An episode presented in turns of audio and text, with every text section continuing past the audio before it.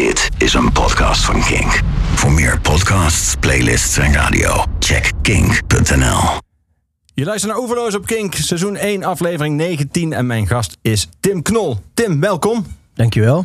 Ehm we gaan het hebben over, en we praten naar aanleiding van je nieuwe plaat, opgenomen in, las ik, daar heb ik heel veel vragen over, slechts twee dagen Ja. in Ja. jouw studio, Ja. in je eigen studio. In We hebben acht weken gemixt, maar twee dagen opgenomen. En het gezelschap waarmee je eh, het album hebt opgenomen, de Bluegrass Boogeyman. Eh, Mhm. ik, ik las in enkele artikelen dat jij die al heel lang geleden, toen jij nog een jaar of 15 was, voor het eerst zag op een festival. Klopten die verhalen? ja, dat klopt zeker. Ik was een eh, Blue Highways was dat. Dat is een, het was een Americana festival. Van tegenwoordig weer terug. Wel een beetje onder de nieuwe naam Rambling Roots. Ja. Maar de Blue Highways was voor mij als... nou, ik was toen mij 11 jaar toen ik voor het eerst daar naartoe mocht met mijn vader. was voor mij echt een soort walhalla van muziek. Was dat ook even je e- überhaupt eerste festivals? Ja, ik denk het wel, ja. ja. Nou, ik heb, ja, festivals zeker. Ehm was Steve Earle daarvoor nog gezien. Dat was wel een, ook een, soort aardschok. Toen je nog jonger was dan 11. Ik denk dat toen 10 jaar was. Het was, het was 2000. Ik denk dat het misschien wel hetzelfde jaar is geweest. Eh 10, 11 was ik ook. Een cruciaal jaar dan in jouw ontwikkeling was dat. Ja, gek genoeg wel, ja. Eh, mijn broertje die is iets jonger, maar die had helemaal niet zoveel met die muziek. En ik eh, wel. Dus ik eh, werd meegetrokken naar optredens van eh, allemaal eh, singer-songwriters. Vroeger had je de Tichel, in de Tichelstraat in Amsterdam. En dat was zo'n plek waar dan Greg Trooper speelde, of Fred Eaglesmith. Het was eigenlijk een buurthuis en daar kwamen dan al die gasten. En het was, dat was een beetje mijn begin van mijn liefde voor Amerikanen begon daar een beetje. Ja. Wel grappig dat je dan, ik kan me voorstellen dat je dan als kind nog niet kan plaatsen dat dat allemaal echt enorme iconen zijn. Maar dat zijn dan gewoon mensen die in de buurt komen spelen, Ja. lijkt dat. Ja, heel vreemd was dat. Ik, ik begreep ook helemaal niet van niks van hun teksten destijds natuurlijk. Dus ik was daar puur voor de muziek eigenlijk. En inderdaad, wat je zegt, eh, als je dan denkt van, eh, die dat die allemaal in een buurthuis hebben gespeeld, dat Ja. is best wel bijzonder, ja. Achteraf. Maar ik had helemaal geen besef daarvan. Wel, ik was wel altijd zo starstruck. Altijd handtekeningetjes en zo op de foto ermee en zo als, als kind.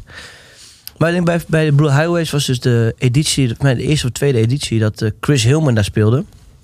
En opeens kwamen er vier gasten podium op, of vijf. En allemaal pakken aan. En eh, die werden uit- aangekondigd als eh, de Hillbilly Boogie of Bluegrass Boogie. Ik me niet meer in, een van de twee. Uit Utrecht. Dus waren gewoon eh, Hollanders die dan met Chris Hillman meededen. En eh, ja, dat maakte indruk, omdat die blue, was Bluegrass. En het was puur de Bluegrass. Echt eh, Chris Hillman van de Birds en van de Flying Beatles Brothers. Ja. De Birds, zeg ik dat nou wel goed? Weet ik eigenlijk niet. In ieder geval de Flying Beatles Brothers, eh, dat weet ik wel 100% zeker. Eh, die, eh, ja, het is natuurlijk een legende. Maar jij pikte als jongetje al op dat die, dat die, twee, die twee woorden uit Utrecht. Dat dat ja, ik vond het wel interessant. Ja. Ja, ik, ik had het wel. En mijn vader zei het ook van ja, dat zijn gasten uit de stad hier. Vond ik wel bijzonder destijds. En wat ik, wat ik wel heel erg goed kan herinneren ook aan is. ehm, ik hoorde die muziek vroeger thuis. Mijn vader speelde tot de dag van vandaag in allemaal beentjes. En dan oldtime muziek, oude folkbeentjes. En, eh, dus die muziek, als kind hoorde ik dat als zesjarige, als zevenjarige. Eh, en nu zag ik het voor het eerst echt zo'n band live spelen. Zo'n echte bluegrass band. En dat Ja. maakte wel echt indruk. Ja, je zag dus ook hoe die dan op een podium staan en hoe die muziek maken. Rondom en een microfoon, ja, dat. Ja. Precies. Ja.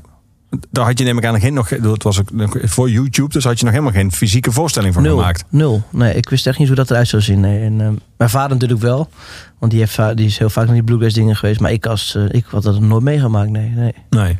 Ik was je on- in, onder de indruk. Ja, vond je dat cool uitzien? Zo dat, dat zo in Wat ik me van kan herinneren- microfoon. Wat ik me voor kan herinneren, vond ik het heel stoer. Ja. Ik vond vooral ook de pakken heel... Mij- ja, ik weet bijna zeker. Ik, ik, eh, zat eens vragen of het echt zo is. Maar in mijn herinnering hadden ze allemaal pakken aan. En dat zag er heel stoer uit. En een hoed op, een cowboyhoed op. En, eh, nou, inderdaad, en inderdaad dan de performance dat je erin moet stappen als je een solo moet doen. Of de banjo naar voren loopt om een banjo solo te doen. Dat, Ja. dat was wel... Dat is nog steeds wel te gek aan bluegrass. Ja, is waarschijnlijk een ongelooflijke lekenvraag. Maar ik ben altijd heel gefascineerd door het feit dat dat ook altijd goed gaat. Ik zou me voorstellen Ja. dat iemand dan twee mensen tegelijk naar voren. Of eentje gaat naar achteren en een botst je tegen diegene die voren gaat op. Of, Maar ik ben wel een paar keer al gebokst, gebotst tegen, eh, tegen Arnold, de mandoline speler. Dat is wel, ik, kijk, die gasten hebben zo'n soort natuurlijke choreografie. Dat gaat Ja. allemaal vanzelf. Maar ik ben nu als vijfde bandit er nu bij. En ik merk wel af en toe dat ik even op het, dat ik soms net iets te laat wegstap. Of zo. Dat ik dan een mandoline in mijn nek krijg van aan de kant naar optieven. Eh dus dat gebeurt wel eens. Maar eh, het, het grappige is, die solo's hebben we allemaal afgesproken. En heel veel van die bluegrass solo's begint, is de, de solo wordt vaak in tweeën gedeeld. En dan is het eerste deel de mandoline en het tweede deel de banjo. En dat wisselt wel eens. Maar, eh, dus soms is het de eerste banjo dan de, of de eerste mandoline dan de banjo. Maar ik weet het nu wel. Ik weet nu wel wanneer de mandoline een solo doet en de banjo solo doet. Dus ik stap op tijd aan de kant. Maar het is wel een soort van, ja... Het is wel een soort dansje bijna, ja. Wat je aan het doen bent.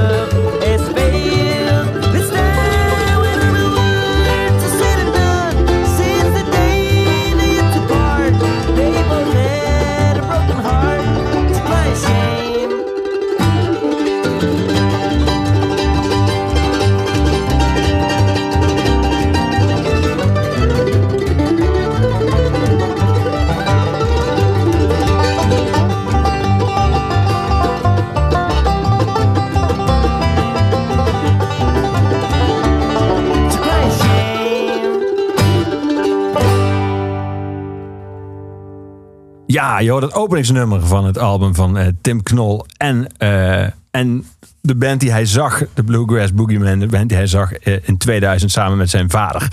Happy Hour heet het album. Het is, ligt nu in iedere zichzelf respecterende platen en cd-winkel, maar vooral platen. Verkoop, hoe, is die, hoe is die verhouding eigenlijk? Verkoop je inmiddels meer vinyl? Nou, ik heb nu net, het, ik heb nu net de eerste, hoe noem je dat? De eerste, Persing, druk.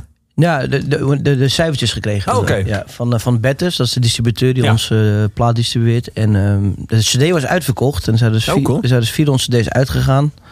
Maar, en de LP's is minder dus nog in de winkels. Maar dus, dus gek genoeg bij deze plaat. Normaal heb ik altijd bij mijn eigen platen dat de LP beter loopt. Maar dit nu, op een of andere manier, loopt de CD weer beter. En dat vind ik wel fascinerend. Grappig. Ik moet wel zeggen dat het live nog steeds meer de LP is die ik verkoop. Ja. Live verkoop ik echt veel meer LP's dan CD's. Ja, Maar misschien is het ook wel dit publiek, het Amerikanen publiek, wat ik nu toch een beetje, eh, waar ik nu toch een beetje meer naartoe duik weer. Misschien wel meer CD-kopers. ja die hebben denk ik de cd-speler gewoon niet weggedaan. Nee, en de, LP, Nee. en de LP's ooit wel. dus die kunnen niet Tot- meer terug. Tot een grote spijt ja, achteraf, ja. Ja.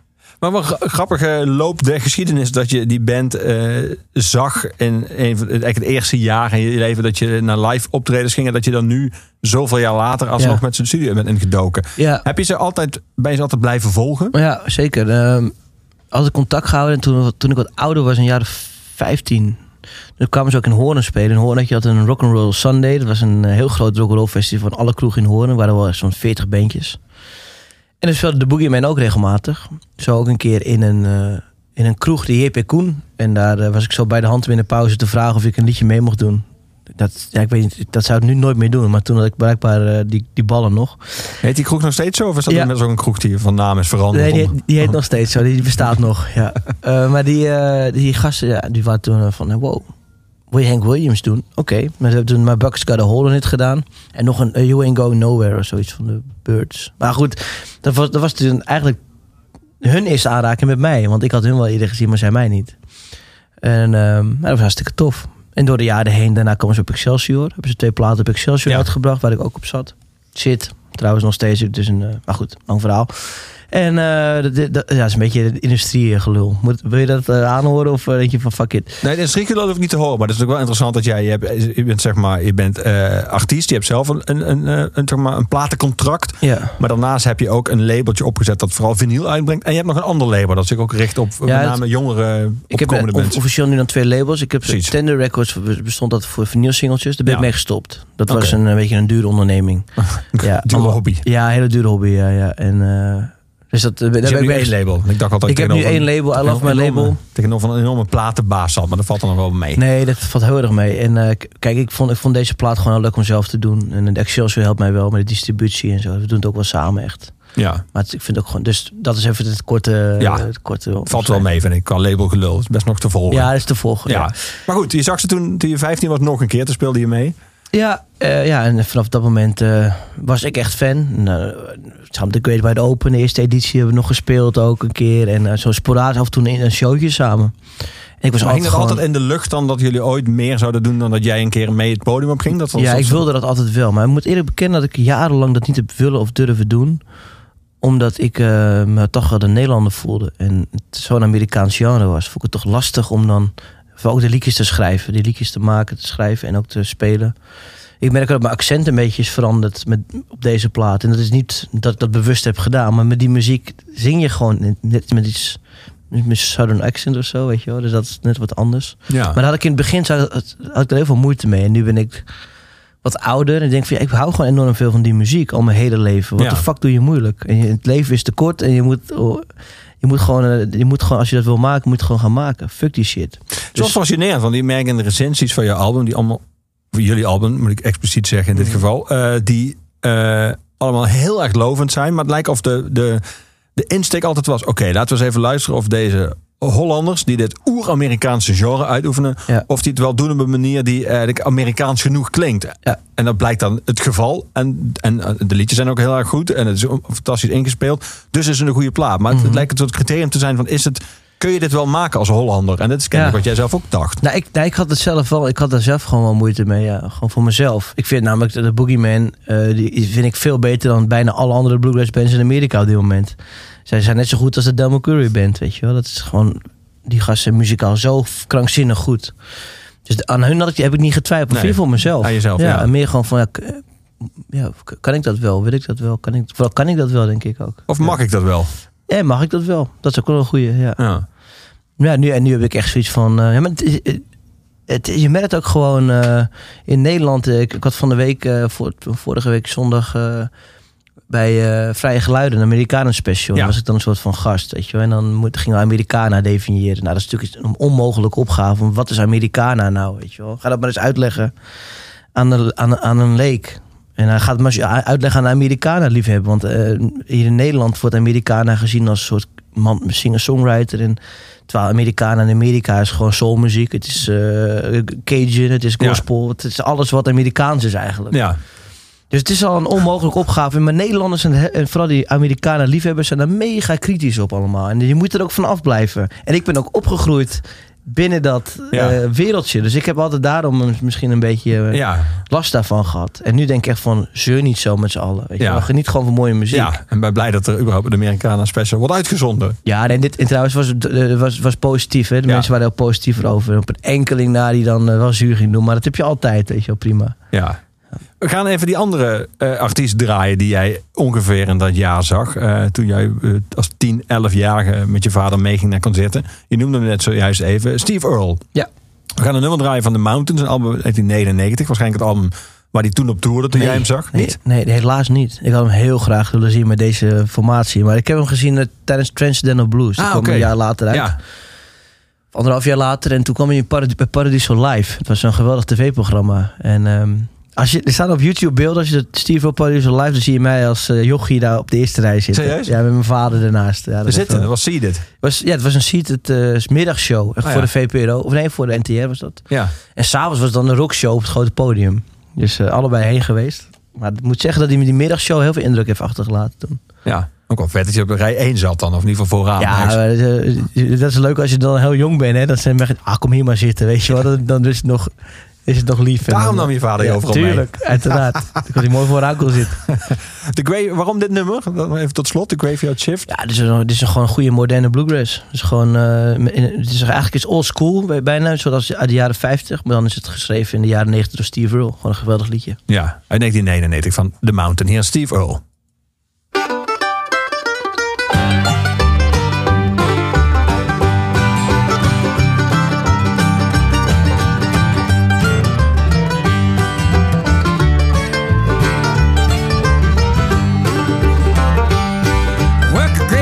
Graveyard shift, stay up all night long. Work a graveyard shift, just stay up all night long. Wake up someday, find your good gal gone. Said if you don't treat you baby right. Said if you don't treat you baby right, she'll come see me some lonely night. When the sun goes down, the moon's gone, that's when I come around. Don't you think I want on the graveyard shift? Stay up all night long. Wake up someday,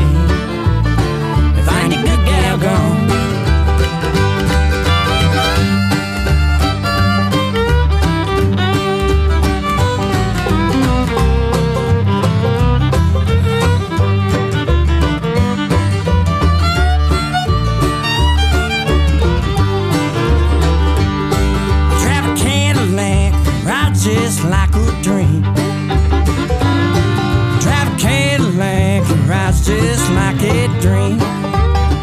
All the pretty gals, they wanna ride with me.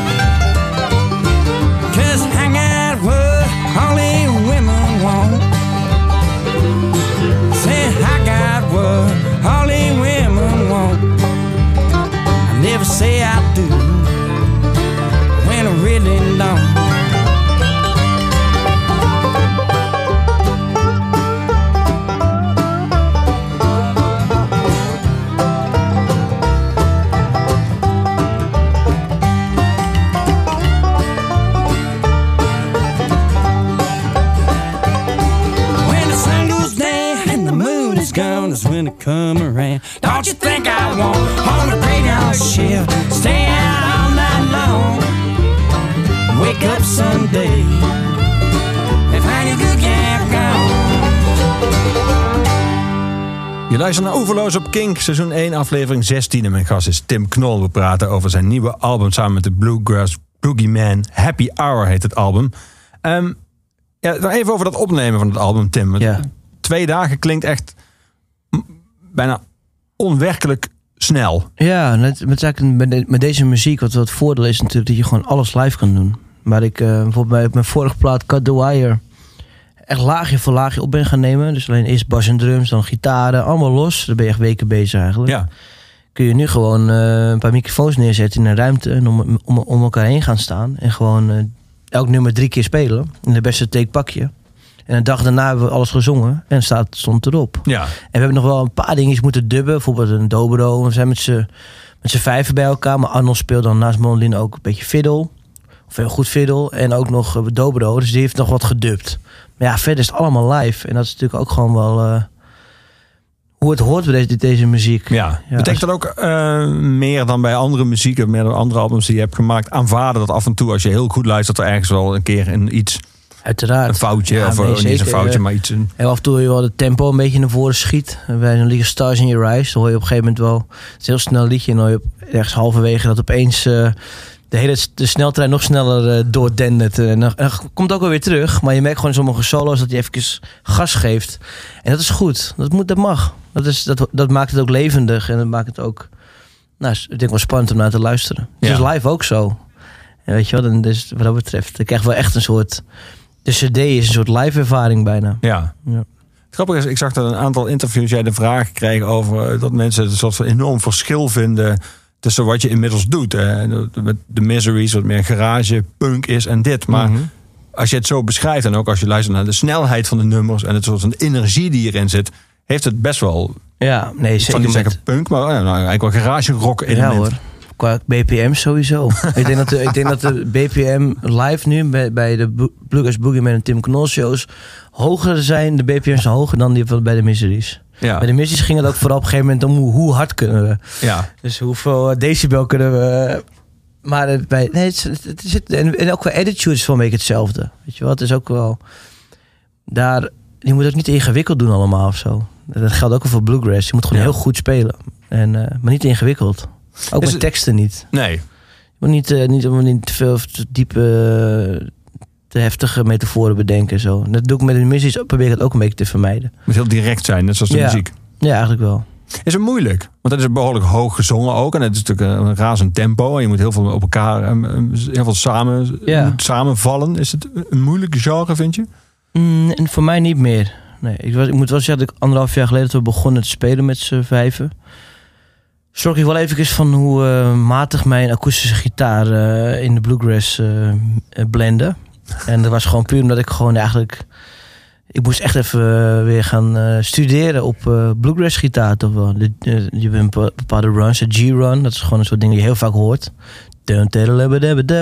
En dat moest ik echt even... snel, de snelheid moest ik in de vingers krijgen. Ja, ja. En dat is gewoon door veel te oefenen is het wel gelukt. Maar dat was wel even een uitdaging. Het zingen, ik zing al heel, heel vaak vrij hoog. ja klopt. En het verschil is wel dat nu naar live shows, we doen zonder monitoren. Omdat we natuurlijk met allemaal microfoons eromheen, om een microfoon gaan staan, dat gaat heel snel piepen. Ja. Dus eh, we geen monitoren. En dat, dat, zeg je alsof je dat eh, zeg maar, ervaren hebt doordat dat één of twee keer gebeurde. En, Ja, nee, we kunnen, dat, dat is beter van niet. Nee. we hebben wel, we hebben wel een, hebben het wel geprobeerd. En dat, weet je, als je het dan doet, dan moeten die monitors heel ver. Dan heb je eigenlijk, dat heeft heeft het geen effect. Net zo goed geen monitor. Nee. Maar ik merkte dan wel dat mijn stem na een uur eh, met de Boogeyman eh, in, op een festival speel, laatste paaspop, was hij gewoon weg. Dus ik moet nog wel even wat iets aan mijn stemtechniek gaan doen nu. Dat wel. Ja. Maar het is ook live and learn. Ik ben nu 30 en ik ben ik, bijna 30 trouwens. Ik ben nog 29. Ik ben nu eh, toch weer een betere gitarist geworden op deze, op deze leeftijd nog. Gewoon door weer lekker te gaan studeren. ja. Vind ik hartstikke tof. Nou, de dingen die je zojuist eh, vertelde, die je dan eh, zeg maar uit jezelf gaat bijspijkeren, omdat je weet wat er dient te gebeuren. Namelijk een plaat opnemen en, en live spelen. Dus dat je die gitaarspel in dit genre in ieder geval gaat bestuderen. En dat je gaat werken aan de manier waarop je zingt. Eh, ben je daar goed in, die discipline opbrengen? Om, dan moet je eigenlijk jezelf een soort van huiswerkregime opleggen. Ja, maar zo, ja precies. Dat, dat, zo zou je het kunnen zien. Maar het is natuurlijk zo leuk. Het is zo leuk om beter te worden. En om ook mee te kunnen gaan met die gasten. En qua muzikaliteit. Eh, Ja, het doel is leuk. Maar is Het de doel- weg, ja, er- is het de weg naartoe ook leuk? Ja, toch wel. Ja, ja. Ik, ik pak het vrij snel op. Maar je moet gewoon even wat dingen. Je moet gewoon. Het is, het is ten eerste gewoon heel veel. Het is de snelheid in je rechterhand. Dus eh, waar je je snaren mee strumt. Dat, dat was vooral het moeilijkste. En dat is gewoon heel veel doen. En ik speelde gelukkig bijvoorbeeld dit voorjaar ook alweer 40 shows alleen in het theater. En deed ik wel de helft van de plaat live. Dus ik werd gewoon elke avond iets sneller in mijn pols. En dan maak ik wel eens de grap, ja, ik train mijn rechterpols heel veel. Hahaha.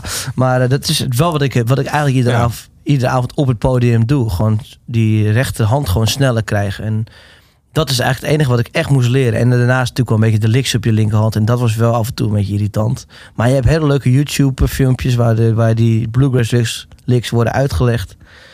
Nee, ik vind het eigenlijk niet vervelend. Nee, het is Nee. gewoon heel erg leuk om... eh, en helemaal als het dan ook, als je het dan kan toepassen, daarna eh, met de Bluegrass Boogeyman. En dan, ze zullen niet zo snel zeggen van wow, lekkere lik. Maar ik, zie- ik merk wel aan dat ze het niet vervelend vinden dat Nee, ik dat nu doe. Ja. ja. We gaan muziek draaien. Een keuze voor jou. Een band die volgende maand in Paradiso speelt. Twee avonden. En daarna nog een keer terugkomt naar Utrecht. Naar Tivoli Vredenburg. Wilco. ja. Eh, je hebt een nummer uitgezocht van, van Being There. Het album uit 1996. Het openingsnummer. ja. Eh, vrij lang. 6,5 minuut. Misunderstood. Waar- waarom, waarom deze? Ja, twee akkoorden. En wat jij al zegt, 6,5 minuten weten te boeien. En het is een heel spannend arrangement, vind ik. Goede tekst. Wat volgens mij gaat over eh, zijn eh, medebandlid uit Uncle Tupelo, eh, denk ik hoor. Ik weet niet zeker, maar ik krijg wel een beetje de indruk dat het, dat het gaat over Jay Farrar. Nu in Sean Fold speelt. Want die had ook allemaal gezeik. En eh, er zit- zitten mooie, subtiele, denk ik, referenties naar die periode in. Ja, ik vind, kijk, Jeff Tweedy, wat hij ook gewoon allemaal tot de dag van vandaag uitbrengt. En ook die laatste soloplaat Warm van hem. Ja, ik, ik vind dat mega boeiend. Qua productie, qua songwriting, mooie melodieën. Eh, en zijn stem is gewoon, heeft iets, iets jeugdigs. Terwijl die man ook al dik 50 in de 50 is. En die nog steeds zit er een soort van iets jeugdigheid in zijn Ja. stem. Wat ik heel erg fijn vind. En is er iemand die je altijd live bent blijven volgen ook? Zowel Ja. solo als met Wilco? Ja, zeker. Ik eh, ga eigenlijk altijd naar alle concerten als het in de buurt is. Nu deze twee ga ik ook weer naartoe. Dus ik ga net al het Nieuw Jong vier keer voor het voorde. Maar ook twee keer de Wilco dit, deze zomer. Fijne zomer. Ja, Ja. Zeker. Wilco is hier met Misunderstood.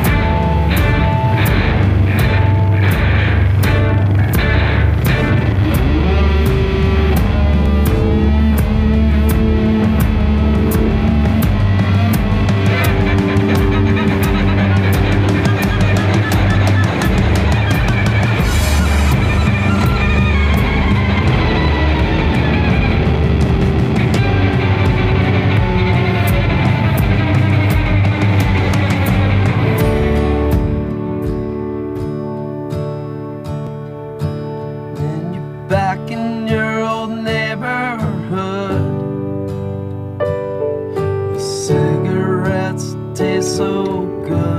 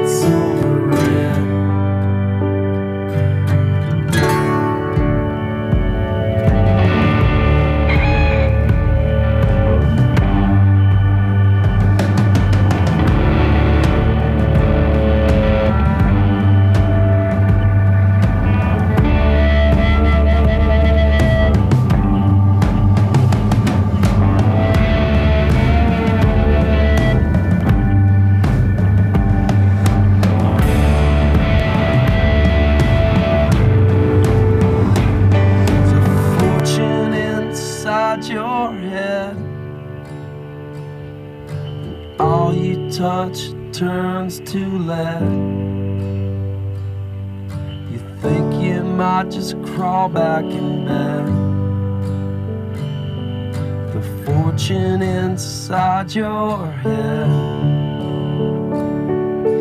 I know you're just a mama's boy positively unemployed. So misunderstood. You're so misunderstood.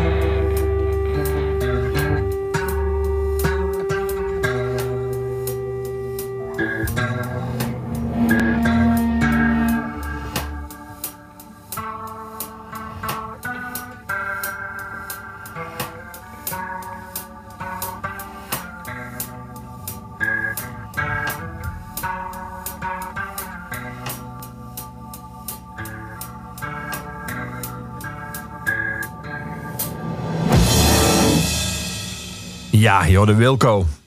Uit de cd-kast en platenkast. En een keuze van onze gast van vandaag hier in Oeverloos, Tim Knol.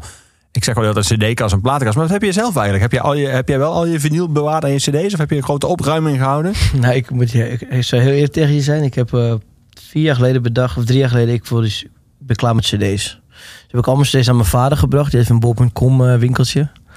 En ik kreeg begin het jaar een kantoortje. En ik had opeens dacht, ik, kut. Ik wist mijn cd-kast. Dus heb ik nu opgehouden bij mijn vader. Hij zat nu in mijn kantoor. En ik heb denk ik, zijn er acht cd's verkocht door in die drie jaar. Dus de schade valt mee. Ja. Dus ik heb ze nu eh, allebei weer. Ik heb Ah, dus een plaatkast en een cd-kast. En toch, eh, ik, ben, ik merk nu dat ik eh, weer cd's aan het sparen ben... door al die mooie verzamelaars op Ace bijvoorbeeld. Dat Ja, zijn ja. geweldige soul-verzamelaars. En het zijn toch dingen die je moeilijk op vinyl vind, origineel al helemaal niet. En ook in de reprint, reissues staan altijd meer leaks op de cd's dan op de LP's die ze Ja, ja, ja. Dus ik ben nu toch weer een beetje terug naar de cd's. En toch, ik vind stiekem ook wel weer iets moois hebben. Ik ben, er weer van, ik ben, er weer, ik ben het weer gaan waarderen. En Ja, ik, ik, merk al, ik merk al een beetje dat meer mensen dat hebben om me heen.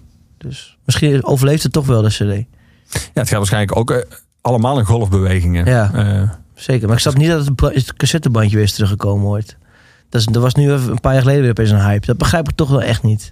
De kwaliteit daarvan is lager. Het is gewoon kloot om eens eh, om een liedje twee keer te luisteren, met terugspoelen. Dat begrijp ik niet. ik zit te denken, ik kan een cassette denken waar je, als er in ieder geval genoeg pauze zat, twee of drie seconden een nummer, kon je op Ja, terugspoelen kort, eh, drukken ja en dat is waar. Als je een dure desk had, wel. Ja, had ik lang voor gespaard. Ja, Veel- had ik veel kranten voor bezorgd. Precies. ik moest doen met een soort Walkman. Ja. Die eigen studio, is dat, eh, is dat een goed idee gebleken? Eh, poeh.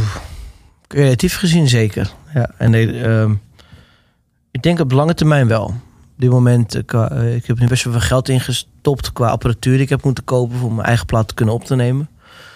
En dat is er nu niet helemaal uit nog. Maar het komt dat ik net, nu net twee platen mee heb gemaakt. Dus als ik nog denk ik twee, drie LP's verder ben, dan is het een, een, een investering die goed is geweest. Maar Ja. nu is creatief vooral heel erg interessant. Ja. Dat ik gewoon de tijd kan nemen. Vooral bij mijn vorige plaat, Cut the heb ik gewoon heel lang aan kunnen werken. En als ik dat in een professionele studio eh, die ik maar moest inhuren, dat moeten doen, dan was ik zo 10.000 euro lichter geweest. En dat Ja. is nu eh, minder geweest. Ja. Heeft dat ook nadelen dat je er onbeperkt lang aan kan werken? Of Maakt dat? Ja, het zou- je, moet je, je moet gewoon zorgen dat je het met iemand doet die eh, een beetje in de gaten houdt. Die Ik had, ik had Arne Soldaat bij de vorige Ah, ja. die mij hielp daarbij. En die op een gegeven moment ook gewoon zei van... we hebben nou genoeg geknutseld.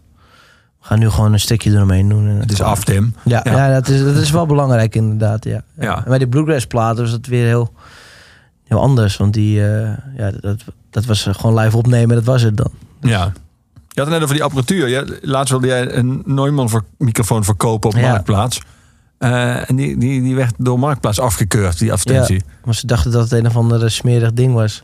Er stond echt... eh mogen geen seksistisch of seks, sekstoys eh, of zoiets stond erbij. Dat- Van Facebook. Ik dacht, flikker toch op man. Het is gewoon een, een vintage Neumann. Maar ik, ik ga het toch maar niet verkopen denk ik. Ik heb er toch een beetje spijt van. Ik, eh, ik wil namelijk graag een huis kopen. Dat is een beetje het ding. En eh, zo'n vintage Neumann is wel aardig wat geld waard. Niet zoveel als een huis natuurlijk. Maar ik moet even een beetje geld hebben. Ja. En eh, dacht ik, ga wat spullen verkopen. Ik, had, ik heb er nu al een beetje spijt van. Het is eigenlijk wel goed geweest van Facebook. dat ze je ja, hebben, op zich wel. Hij ze staat er nog wel op hoor. Dus, eh, hebben gegeven. dat klopt. ja, ik ken toch maar. Ja, het is wel echt een hele mooie microfoon. Het past heel goed bij mijn stem. Ik heb hem toen gekocht. Omdat hij mooi bij mijn stemkleur past. Ja. Maar die vintage stroep, jongen, dat is niet normaal. Dat is echt. Ook met mijn gitaar. Ik heb hele mooie gitaren gekocht vroeger. Voor prima bedragen. Maar die gaan nu gewoon. Sommige dingen zijn gewoon verdubbeld in waarde. Het is echt een krankzinnige markt geworden. Wat ik ook wel heel jammer vind. Want ik koop gewoon gitaren omdat ze me inspiratie geven. ja. En niet Geen beleggingsobjecten bij jou. Nee, helemaal niet. Maar het wordt het gewoon automatisch nu, omdat het allemaal zo krankzinnig duur aan het worden is. Ja. Wat jij even net vertelde over Jeff Tweedy. eh, dat hij natuurlijk eh, en met Wilco en solo eh, en Mhm. andere samenwerkingen. Is dat weet je wat jou ook voor ogen staat? Want je hebt nu natuurlijk. Je hebt en een band voor de meer de garagepunk-achtige kant. Je hebt nu een, een formatie voor de, voor de bluegrass kant. Je hebt natuurlijk Ja. je eigen repertoire. Het is een beetje zoals bijvoorbeeld Springsteen. Die heeft ook zeg maar, zijn solo eh, shows ook. En met de E Street Band. En ook met de Seeger Sessions. Die heeft ook een soort van, als een voorkeur heeft hij zo zijn eigen band vorm gegeven. Ja. Ja, onbewust denk ik toch wel. Ik, ik, heb er niet, ik ben er niet bewust mee bezig geweest, eerlijk gezegd. Maar het is wel wat, wat, wat, nu, het, wat, het nu, wat nu is. Ehm, ja, ik ben daar ook wel blij mee dat ik al die kanten op kan. De volgende plaat wordt een Duitse slagerplaat, denk ik. Maar Eindelijk. Ja, ja. Heino. Ja. Ja. Team Groot fan van. Ja. Ja, dat past ook het best bij mijn naam uiteindelijk.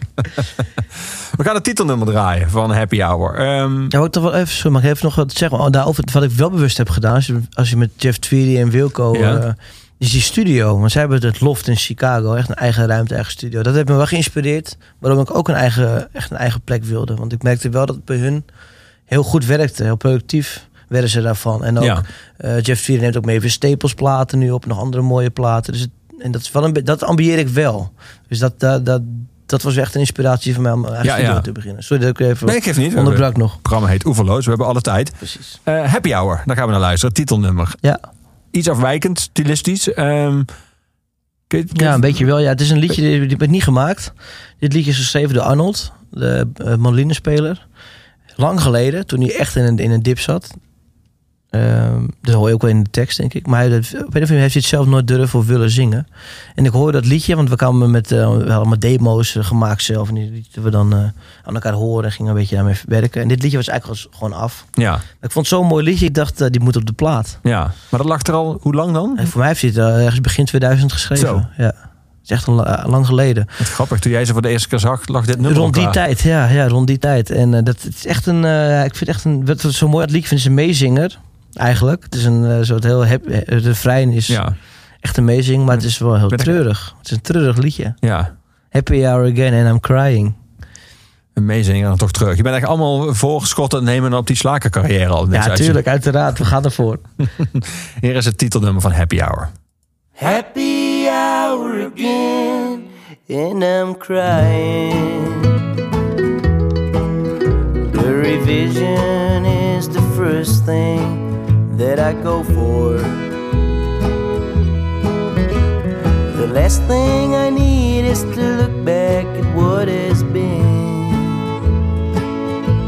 Though even drinking can seem to drive me to the state of mind I need to be in. But the fare is cheap when it's happy hour again.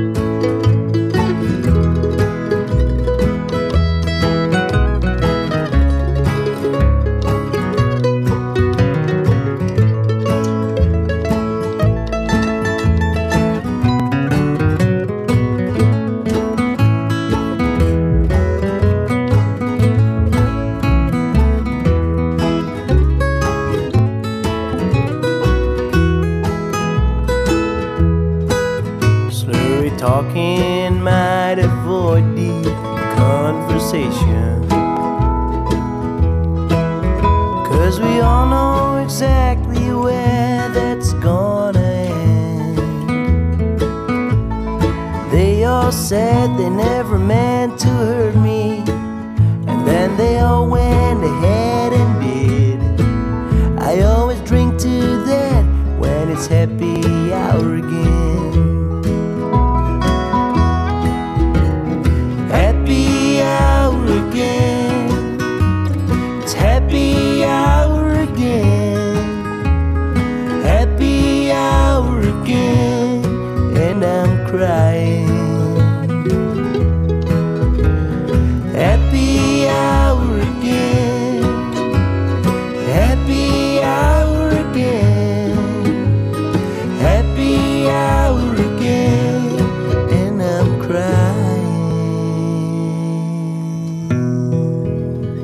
luistert naar Overloos op King, seizoen 1, aflevering 16. En mijn gast is Tim Knol. Tim, vroeger was jij een enorme liefhebber van Ryan Adams. Laatst viel je hem keihard af Ja, op social media. Je was klaar met Ryan. Waarom toch? nou, dat stuk op New York Times, dat ik, ik schrok daar ergens wel ergens niet van. Ik wist dat, was dat wel een rare, bijzondere vogel. Een beetje een rare figuur gewoon. Er waren altijd wel een paar rumors van, eh, vooral toen hij aan het drank was en aan de, aan de doop, dat, dat hij wel rare fratsen uithaalde. Maar wat ik van vijf vrouwen las op eh, de New York Times, wat, wat, wat er allemaal werd, over hem werd gezegd, schrok ik wel van. En ik vind juist vandaag de dag, eh, was Ronald Molendijk zat vorig jaar eh, over de top 2000 te vertellen, over dat er meer mannen dan vrouwen aandacht, of in de top 2000 stonden, omdat vrouwen minder goed muziek kunnen maken en bla bla bla. Weet je wat is het? Is allemaal van die machtspelletjes. Terwijl de muziekindustrie is vanaf dag één een mannenindustrie. De mannen hebben de tuikjes in handen. En dan vind ik zo iemand als Ryan Adams, eh nou, zijn integriteit is dan totaal verdwenen als hij, zijn, hij heeft gewoon zijn macht misbruikt eh, bij bepaalde vrouwen. En eh, ja, dat vind ik gewoon heel smerig. En dat is iets wat ik, wat ik echt tegen ben. En dan, ja, dan kan ik gewoon moeilijk mijn bek houden erover. Heeft er ook invloed op zijn muziek dan? Nou, ik heb laatst wel een keer eh, Cold Roses geluisterd. Maar ik kan er wel echt minder van genieten op dit moment.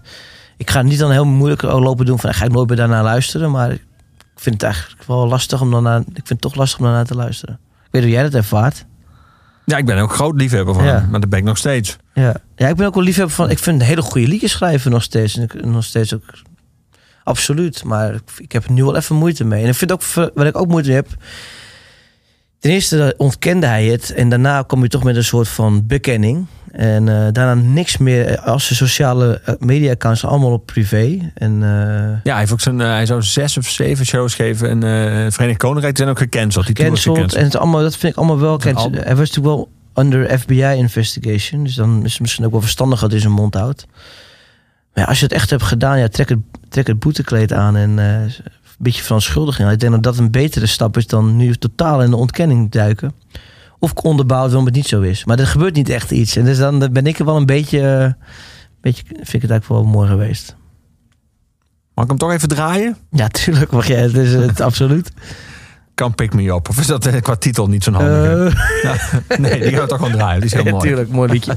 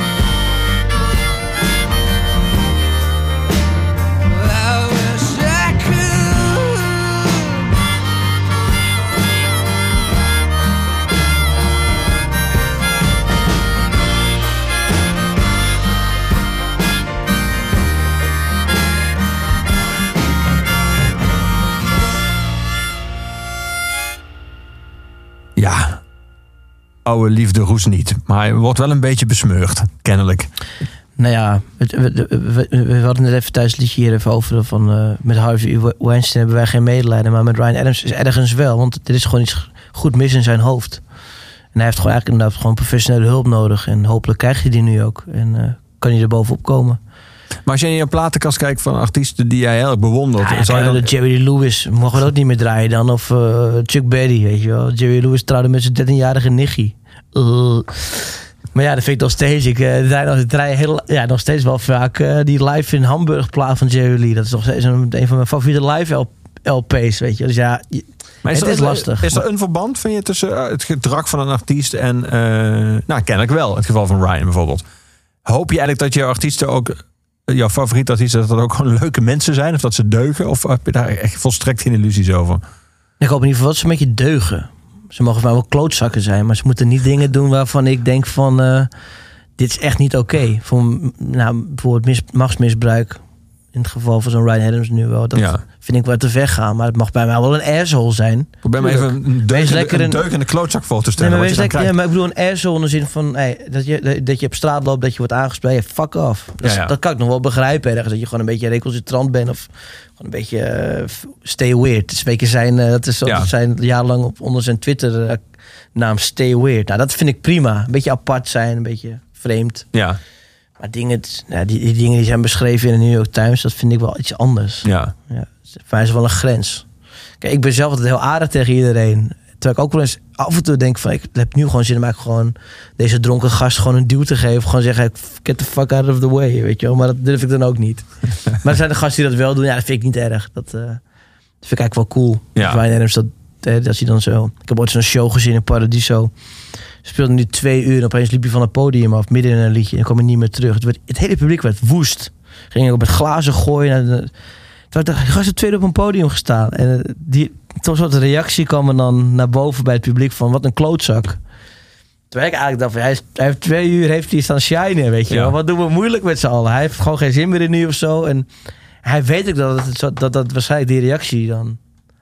Dat vind ik dan wel weer grappig. Ja. Dat, dat vind ik niet erg. We gaan ehm, naar iemand luisteren die eh, in Paradiso optrad, niet lang geleden, en ook terugkomt, 30 augustus. En jij zei net, toen, we de, toen ik het nummer klaarzetten, was dat, dat je dat een van de wel het mooiste concert van wat je de laatste jaren misschien wel ooit hebt gezien. Ja. John Prine is Ja. zijn naam. Ja. Inmiddels op vergevorderde leeftijd. Ja. Ehm, kun, je- kun proberen te beschrijven waarom dat concert zoveel indruk op jou maakte toen? Ja, nou, ik, mijn eh, lievelingsmuziek is toch wel echt die 70s, ja, late 60s, early 70s Americana, Towns Vincent, eh, Guy Clark. Eh, dat, die, die, die, die geweldige singer-songwriters. En John Prine behoort ook tot die klasse. En eh, eigenlijk is- vind ik een van de laatste die nog leeft, die die kwaliteit eh, nog steeds brengt naar de mensen. En dat heb ik die vorig jaar in, in Paradiso echt helemaal ervaren. Die prachtige liedjes van die man. En zo eenvoudig en zo breekbaar gezongen. En met een fantastische band eromheen. Geweldig geluid ook in Paradiso. Dat is ook wel uniek, weet je wel. Dat het heel goed klinkt. En het was gewoon al met al, ja, het was gewoon een wonderschoon concert van begin tot het eind. Het was ontzettend. Die man is zo geestig en lief. En eh, geweldige liedjes gewoon. Ja, ik, ik kan geen ander concert herinneren die, waarvan ik zo heb genoten als die avond. Is het ook voor jou als nog, nog, nog niet eens 30-jarige eh, zanger eh, bemoedigend dat als je naar zo'n man kijkt, dat je dit weet, dit kun je dus tot op heel hoge leeftijd blijven doen? Ja, in dit geval wel, ja. Ja, ja absoluut. Kijk maar, doen al die gasten doen dat eigenlijk wel. En niemand durft, niemand stopt. Nu, Ken jij, ken jij goede rocksterren die gestopt zijn? Ja, die kwamen wel terug. Dat ik al wat weer terug. Ja, dat is waar. Ja. Echt toch weer. Nee, maar de, de- dat, ja, dat, ja, dat is wel bemoedigend op zich. Ik weet niet of ik het zelf zou volhouden. En dat dacht hij waarschijnlijk ook. Ja, dat is waar. Maar voor het werd ben het. voor het poepen de scheet is met 70, weet je wel. Dus wat dat betreft. Hier is hij, John Prine.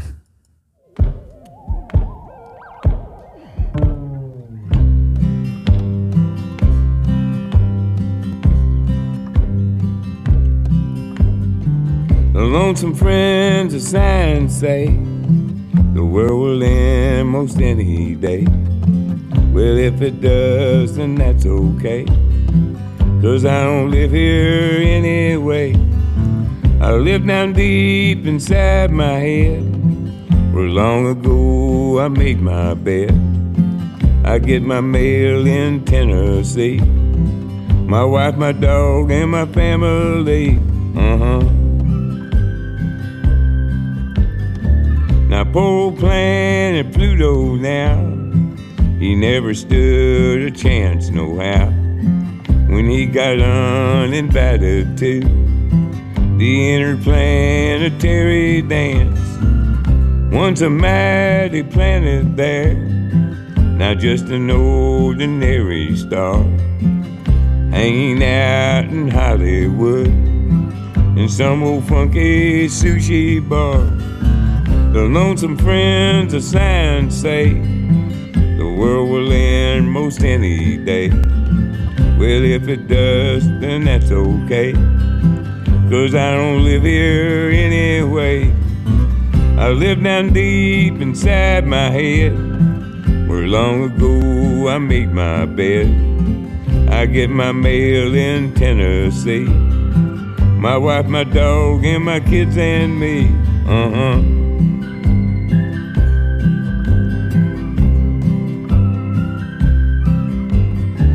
The Vulcan lives in Birmingham. Sometimes he just don't give a damn. His head is full of bumblebees. His pride hangs down below his knees. Venus left him long ago for a guy named Mars from Idaho. The Vulcan sent a wedding gift, three-legged stool and a wheelchair lift. Uh-huh. The lonesome friends of science say this world will end most any day. Well, if it does, then that's okay. Cause I don't live here anyway. I live down deep inside my head. Where long ago I made my bed. I get my mail in Tennessee. My wife, my dog, my kids, and me. Uh huh.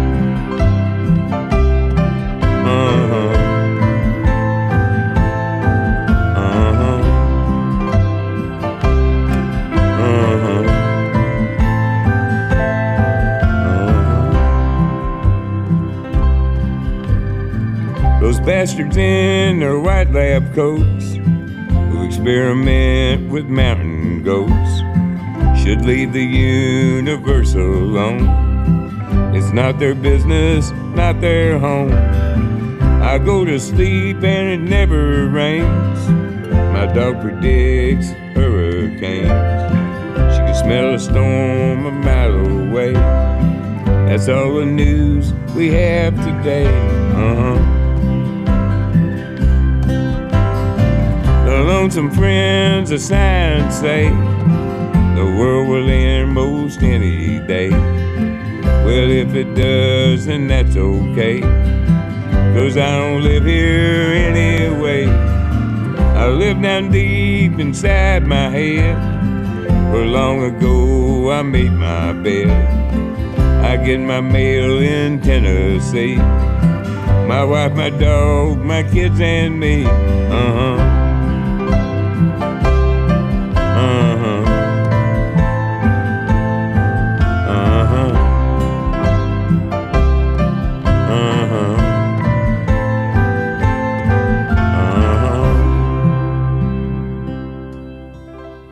Je luistert naar Overloos op Kink, seizoen 1, aflevering 16. Mijn gast is Tim Knol. We praten naar aanleiding van het uitkomen van zijn nieuwe album. Samen met de Bluegrass Boogeyman Happy Hour. Ehm, Tim, we hebben een paar artiesten genoemd die op de een of andere manier eh, in jouw leven een grote rol hebben gespeeld of nog steeds spelen. Ehm, is dat vaak hetzelfde? Als ze het hebben gespeeld, spelen ze het dan ook nog steeds? Ben je over het algemeen loyaal aan artiesten die jij eh, goed vindt? Of zijn er ook momenten... Ja, Ja, zolang ze goede muziek maken. nee, dat is een Ja. criterium. Ja. Ja, ik, ja. ja dat toch wel. Eh, zolang ze in ieder geval muziek maken die mij boeit. Ja, en ik heb bijvoorbeeld bij Wilco en Jeff Tweedy, die, die trekken best wel hun... Die begonnen als een soort alt-country band. En eh, dat is toch wel op een gegeven moment hebben ze invloeden van Sonic Youth erbij. En eh, synthesizers erbij betrokken. En het bleef altijd toch, vond ik, heel boeiend. Daar waar Ryan Adams misschien wel eens af en toe iets te commercieel paadje inslaat qua sound. Waar ik gewoon eigenlijk niet zoveel mee kon. En dan, ik blijf ze wel volgen, maar dan iets minder intensief eh, qua kopen en qua luisteren. Ja. Ja. Dan ga je dan bijvoorbeeld wel even. Ryan is misschien niet zo goed voorbeeld, omdat we het net hadden over zijn gedrag, wat dan een factor is eh, die de verhouding tussen jullie enigszins beïnvloed heeft. Maar als die in principe Ja, maar dat is plaat- sinds kort natuurlijk Ja. eigenlijk. Ja. dan zou je dan, als hij bijvoorbeeld een plaat heeft uitgebracht waar je die plaat, die sound is niet helemaal wat jij wil, of waar jij veel mee hebt, of eh, blijf je er bijvoorbeeld wel naar zijn shows gaan, of sla je dan bijvoorbeeld een ronde over? Eh, ik kijk, is, ik kijk, ga echt op YouTube kijken wat hij dan doet Ja, tijdens ja. zo'n tour. En als ik dan denk van, ah, dit is wel, het is wel mooi. Hij speelt voor oud werk of hij speelt voor dingen die, van platen die ik wel mooi vind. Dan zou ik wel gaan. Maar ik onderzoek het wel altijd eventjes. Ja, En bij, bij Neil Young ga ik wel blind. En dat komt ook wel omdat ik, kijk, hij heeft- ik vind, hij had een paar jaar terug die Earth plaat. Oh, ja. Waar ik geen fuck mee kon. nee. En midden in die set, eh, de, in de Ziggo Dome destijds, deed hij ook een paar van die liedjes. En dan ga ik gewoon even bier halen. Maar ik weet namelijk wel, bij een Neil Young show krijg je ook gewoon eh, 20 minuten lang eh Like a Hurricane of weet ik veel. Ja, het doet ook gewoon altijd wel een paar kick-ass songs. Ja, Dus ik, ja, dan weet je dus iets meer zekerheid dat het gewoon een vette show wordt. En bij Bob Dylan ga ik gewoon heen omdat het bijvoorbeeld... eh, dat is een beetje alsof je naar live naar een... eh, of alsof je naar een museum gaat. Dus even een, een Picasso te zien. Of naar het Vroeg Museum. Nu kun je Bob Dylan nog even het echt bewonderen. Zo Ja. zie ik dat bijna. Ik vind het muzikaal. Ja, Ja. moi, weet je wel. Maar het is gewoon tof om die man nog te zien. ja. Grappig dat je deze vergelijking maakt, want bij Van Gogh Museum zou het natuurlijk best wel gek zijn als je dan Van Gogh zou zien hangen zoals hij hem nu zou schilderen, zeg maar. Wat een beetje zoals je bij Bob Dylan hebt. Je, Ja. krijgt, je krijgt een soort versie. Ja, dat is wel waar. Dat heb je wel een punt. Nee, ik bedoel, ik bedoel ook meer gewoon van Bob Dylan als persoon. Niet per Ja, se precies. zijn werk. Nee, Ja. precies.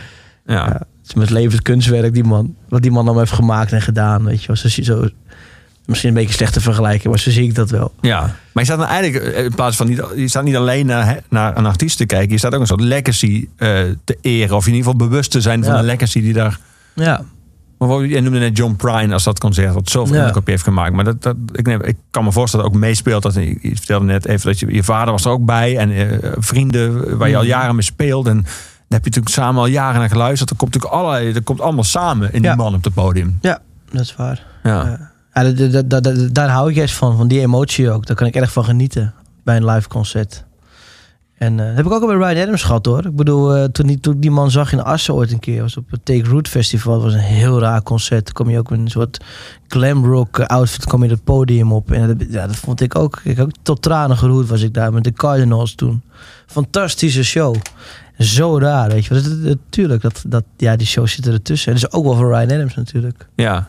Merk je dat zelf ook? Met jouw eigen optredens? Dat mensen die lang, al lang komen, of die in- inmiddels platen van jou, of nummers van jouw eerste plaat, die toen ook al heel wat jaren geleden zijn, dat, dat, Ja. dat die dat ze een betekenis hebben gewonnen? Of dat, die, dat het misschien voor jou af een nummer is, denk, ik, oh, die wil ik ook weer een keer spelen. En dat dat voor die mensen dan Ja. inmiddels een soort.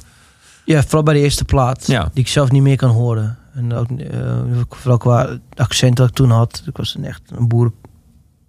Steenkolen Engels. Eh, ik wist ook niet beter. Ik eh, kom van de MAVO en daarna heb ik eigenlijk nooit meer iets gedaan.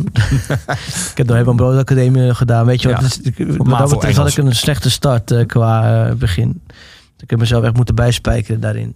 Ehm, Maar je kan hem niet meer horen. maar ik kan je. niet meer naar luisteren. Maar wel ik, nog spelen. ja, ik kan het zeker spelen. Maar ik, en ik kan ook weer heel goed inkomen dat heel veel mensen hebben. Dat met Sam nog gek genoeg. Ook dat was toen Lowlands. Die generatie toen heel veel naar Lowlands kwam. Die hebben mij toen daar gezien. Pinkpop gaat precies hetzelfde. Ik kom nu kom ik allemaal dertigers tegen. Die daarbij waren. En die dat nog steeds een bijzonder moment vonden. En dat liedje Ja. graag willen horen. Dus dat, dat is wel leuk, ja. Ja. Maar ik vind dat wel. Ik heb heel veel respect voor mijn publiek. Want ik vlieg wel alle kanten op. En ik snap ook dat mensen die bluegrass niet trekken. Of een garage rockbandje als de Miseries. Als je mij kent van eh, mijn eerste platen, mijn tweede platen, mijn derde platen. Dan kan ik wel inkomen dat dit wel een soort... Nou, het is wel echt, echt iets compleet anders. En ik moet wel zeggen dat ik heel blij ben met de meesten die pikken dit. En die snappen het ook wat ik doe. En dat, daar ben ik wel heel dankbaar voor. Ja. Dat ik wel... eh, nou, die aandacht... Dat, dat, ze, dat, dat ze naar me toe blijven komen. Om het te zien. Jimmy Martin, is hij inderdaad, zoals dat album heet, The King of Bluegrass? Ja, hij is de king of bluegrass. Ja, zeker weten. Je hebt de, de, de godfather, de father of bluegrass, was Bill Monroe. Ja. En die man heeft het hele genre zo'n beetje uitgevonden eigenlijk. Die heeft al die die, die, mountain folk music met die Ierse invloeden, die Schotse invloeden en ook Afrikaanse invloeden met de banjo bij elkaar gebracht en daar de bluegrass van gemaakt. Maar Jimmy Martin eh, is wel de king of bluegrass, ja. Geweldige, geweldige zanger en vooral een hele mooie liedjeschrijver. Het lied wat we nu gaan luisteren ook had net zo goed een Hank Williams klassieker kunnen zijn. Zo mooi.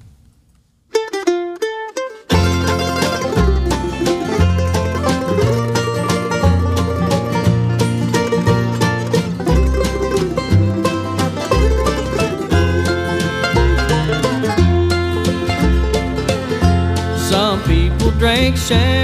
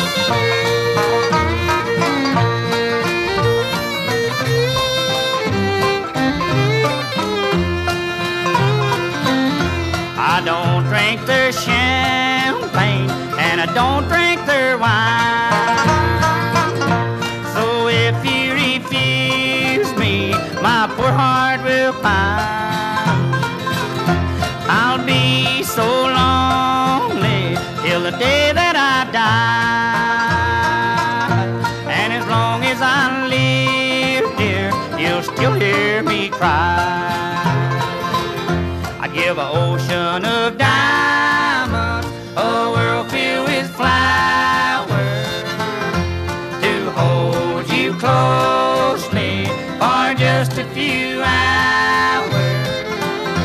Hear you whisper softly that you love me too. Would change all the dark clouds to the bluest of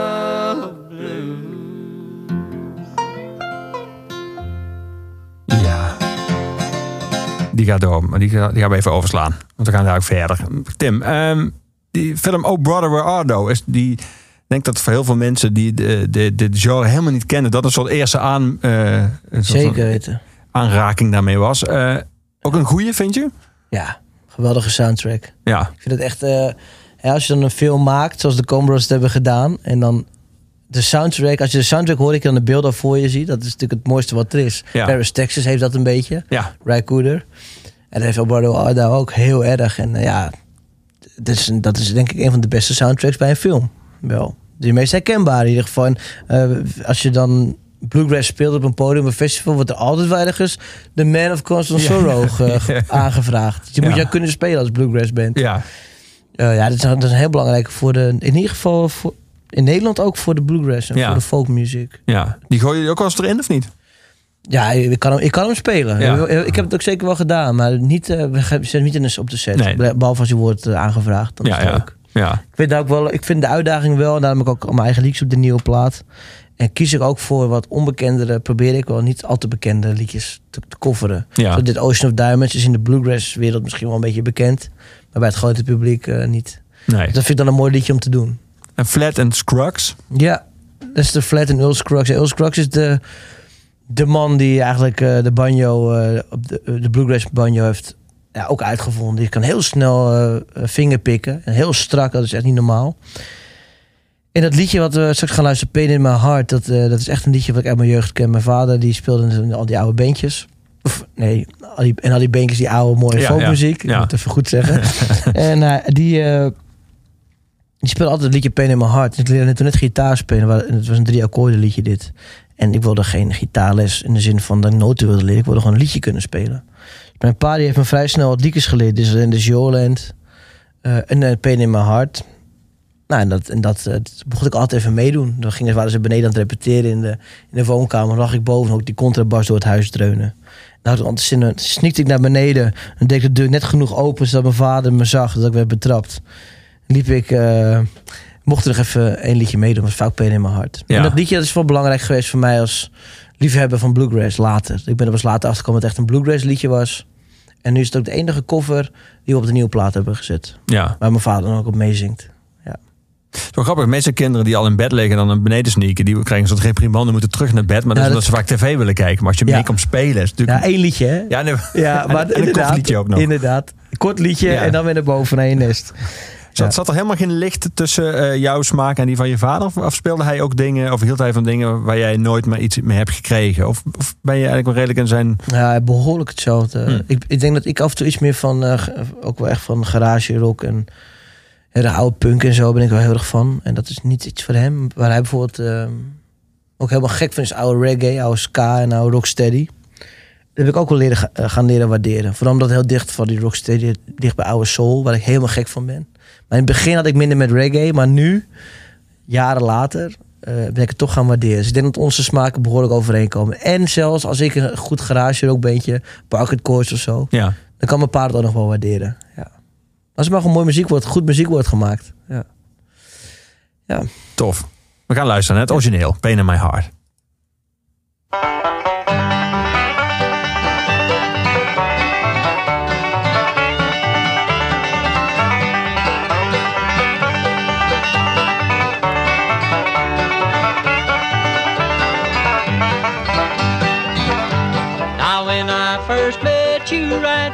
Start, you know that I loved you from the pain in my heart. So look in my eyes and see that it's true. And say that you love me, please don't make me blue.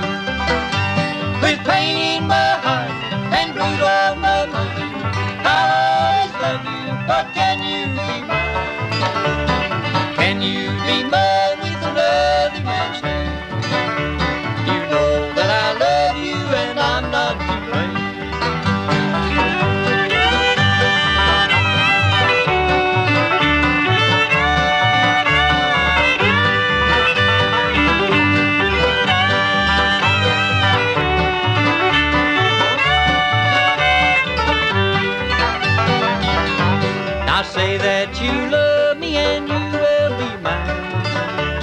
There's pain in your heart and blues on your mind. Please say that you love me and don't say goodbye. You know that I love you, for you I would die.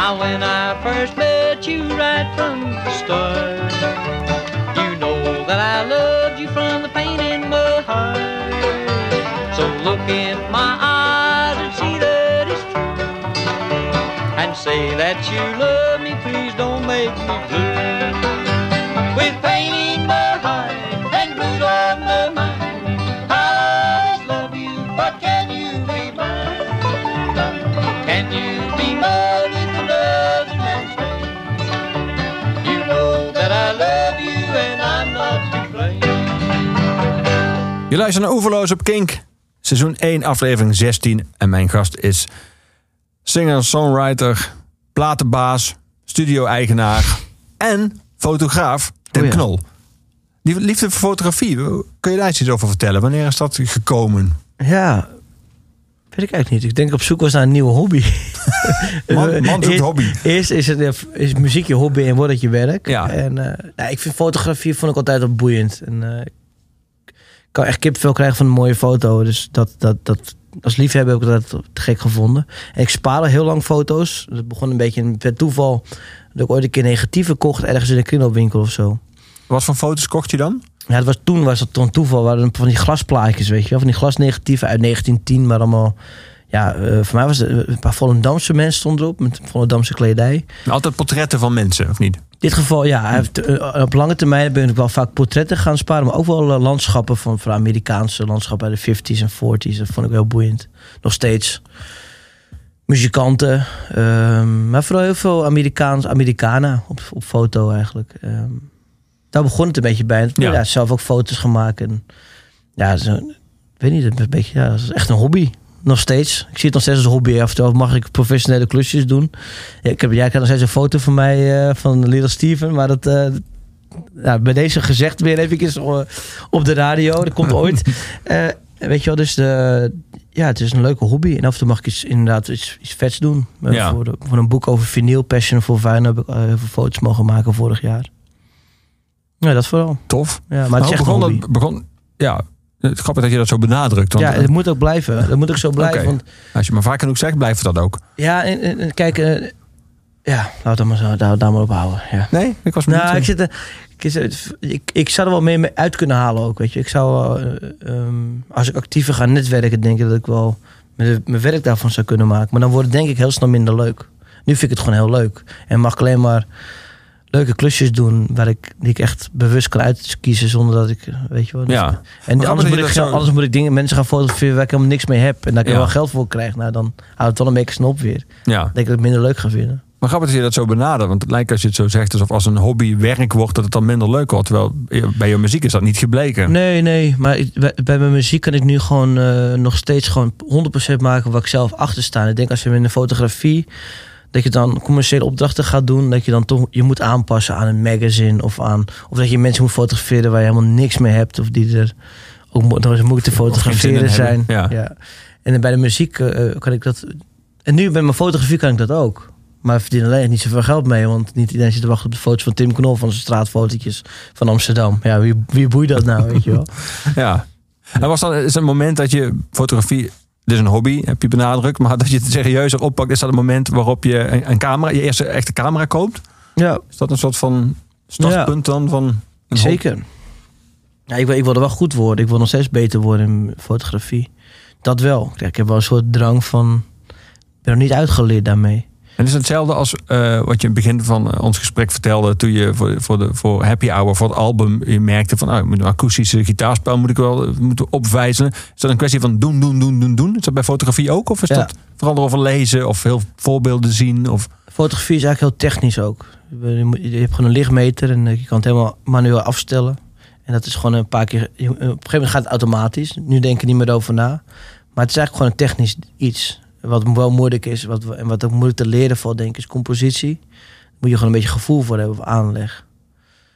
Ehm, ik ken heel veel fotografen die geweldig met een camera om kunnen gaan. Maar die dan nog steeds een scheve horizon hebben, weet je wel. Dus dat, dat, is, dat is altijd nog... Dat moet je wel een beetje gewoon aanvoelen, denk ik. ja. Maar in principe is het gewoon iets technisch.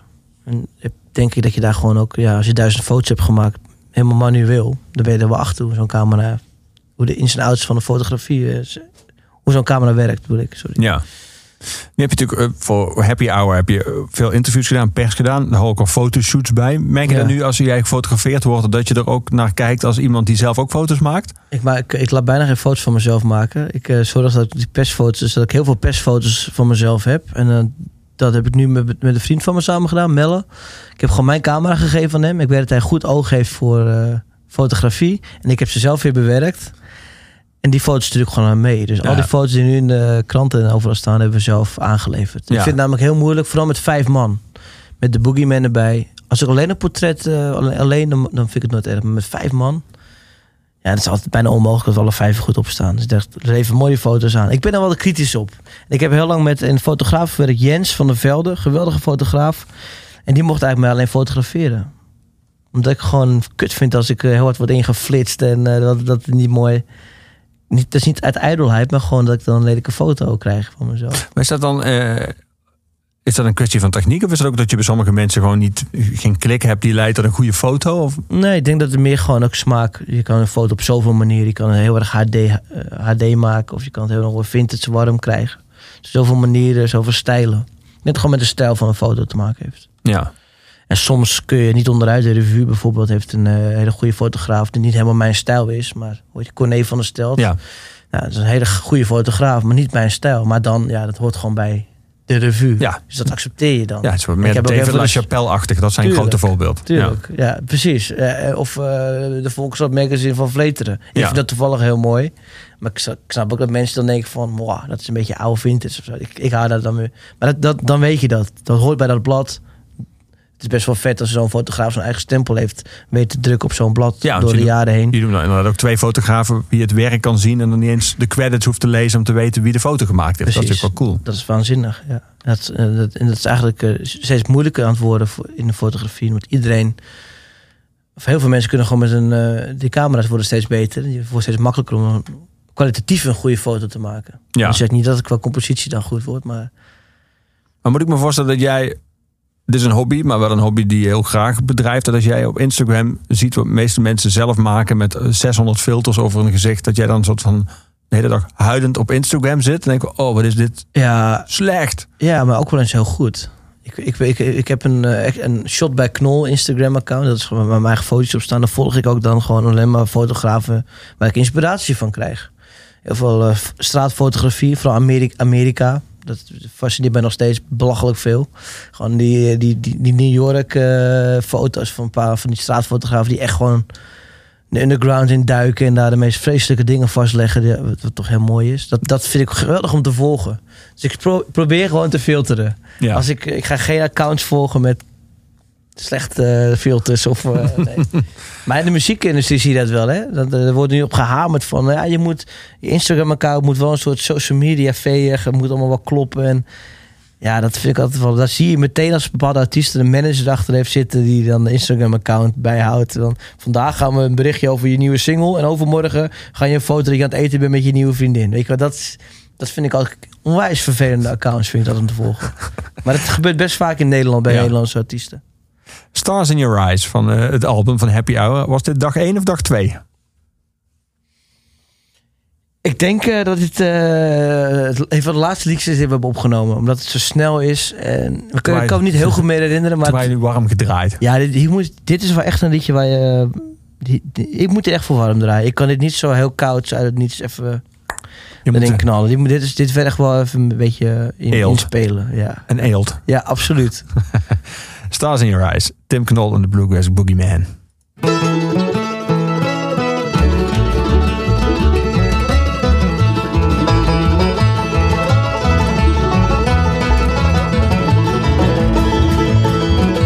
Sometimes I feel like stars in your eyes, stars in your eyes, stars in your eyes. Sometimes I feel like stars in your eyes. Then you look out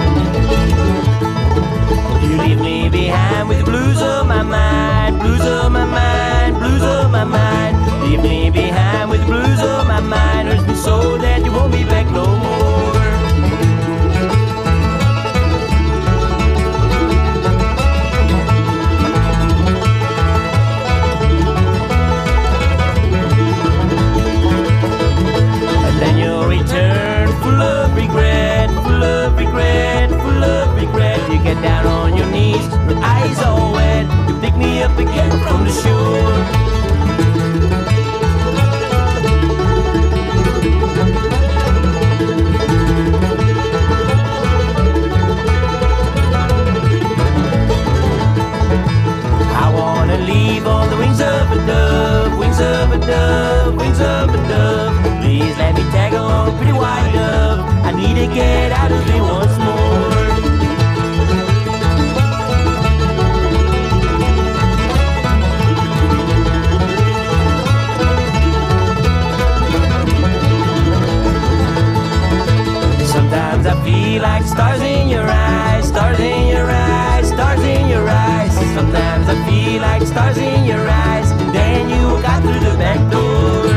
Luistert naar Oeverlo, seizoen 1, aflevering 16. Tim Knol is mijn gast. Happy Hour, zo heet zijn nieuwe album. En hij gaat er uitgebreid mee eh, toeren. Dus je kan hem op heel veel plekken zien de rest van dit jaar. Ehm, Tim, je hebt wel, eigenlijk als we het over muziek hebben, als we het over fotografie hebben, als we het hebben over, eh, een keer over film. Amerika komt altijd terug. Ehm, heb je inmiddels voor jezelf verklaard wat een soort van de lokroep van dat land is voor jou? Nee, nog niet echt. Nee? Nee, het is gewoon, ik weet niet wat het is. Ik heb ook een hekel aan tegelijkertijd. Ik zat, ik zat een keer in Georgia in een bar. Nee, er was een gast uit Georgia. In eh, New York zat ik aan een bar. Met een gast uit Georgia. Het was een heel leuk gesprek. Ja, uit niets kwam eh, fucking, weet je wel, en dan eh, niggers.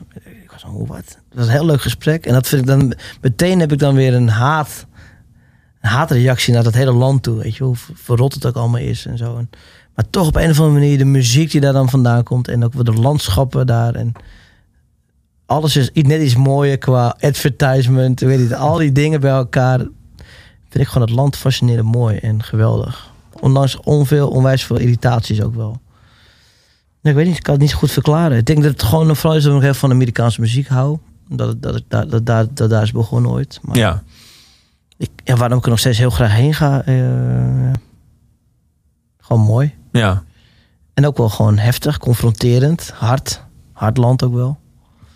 Ik was van de week als Kevin Kinney, een vriend van mij, die speelde in de, de frontman van Drive and Cry. En die was dan ook weer hier en die vertelde dan ook dat het hele land echt eh, op het randje van eh, totale chaos staat. Gewoon op dit moment. En hij woont daar natuurlijk. Ik kom er één keer in de anderhalf jaar, ga ik daar dus heen een paar weken. Zie ik alleen maar de mooie dingen. Maar het schijnt nu echt wel flink mist aan het gaan zijn. Economisch gezien ook en alles daar. En wat vindt hij van jouw land? En jouw stad? Hij komt hier heel graag. Hij, hij is groot fan van Horen. En Hij zou het liefst een huis in Horen willen hebben. Ja. Vraag me af eh, of je dat over een paar jaar ook nog gaat zijn. Als hier wel een beetje een ander klimaat wordt, eh, politiek gezien. Maar eh, ja, op dit moment zou, hij, zou hij hier graag wonen. En hij komt, er ook bij ieder jaar, hij komt ieder jaar hier naartoe. Minimaal een week. Ja. En dan staat hij mooi in een bed and breakfast in Horen. Dat is heel erg leuk eigenlijk. Ik hoor eigenlijk een soort ideale woningruil tussen jullie. Ik zou in eh, zijn huis in Atlanta willen zitten een tijdje. ja. Hij, komt hij zit nou in Atlanta, Georgia. Geweldige stad. Laat, het, laat hem maar lekker hier hangen en dan ga ik wel daar lekker eh, aankloten.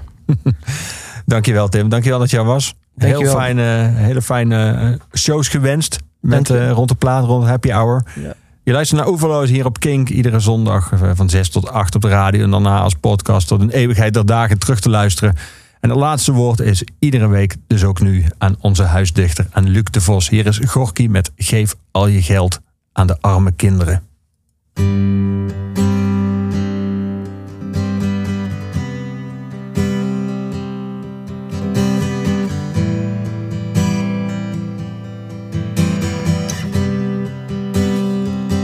Geef al je geld aan de arme kinderen in gestichten en tehuizen. Je hebt dat toch niet nodig. Je hebt dat toch niet nodig. Geef het aan de kinderen die alleen zijn zonder moeder. Want als zij s'avonds op hun eenzame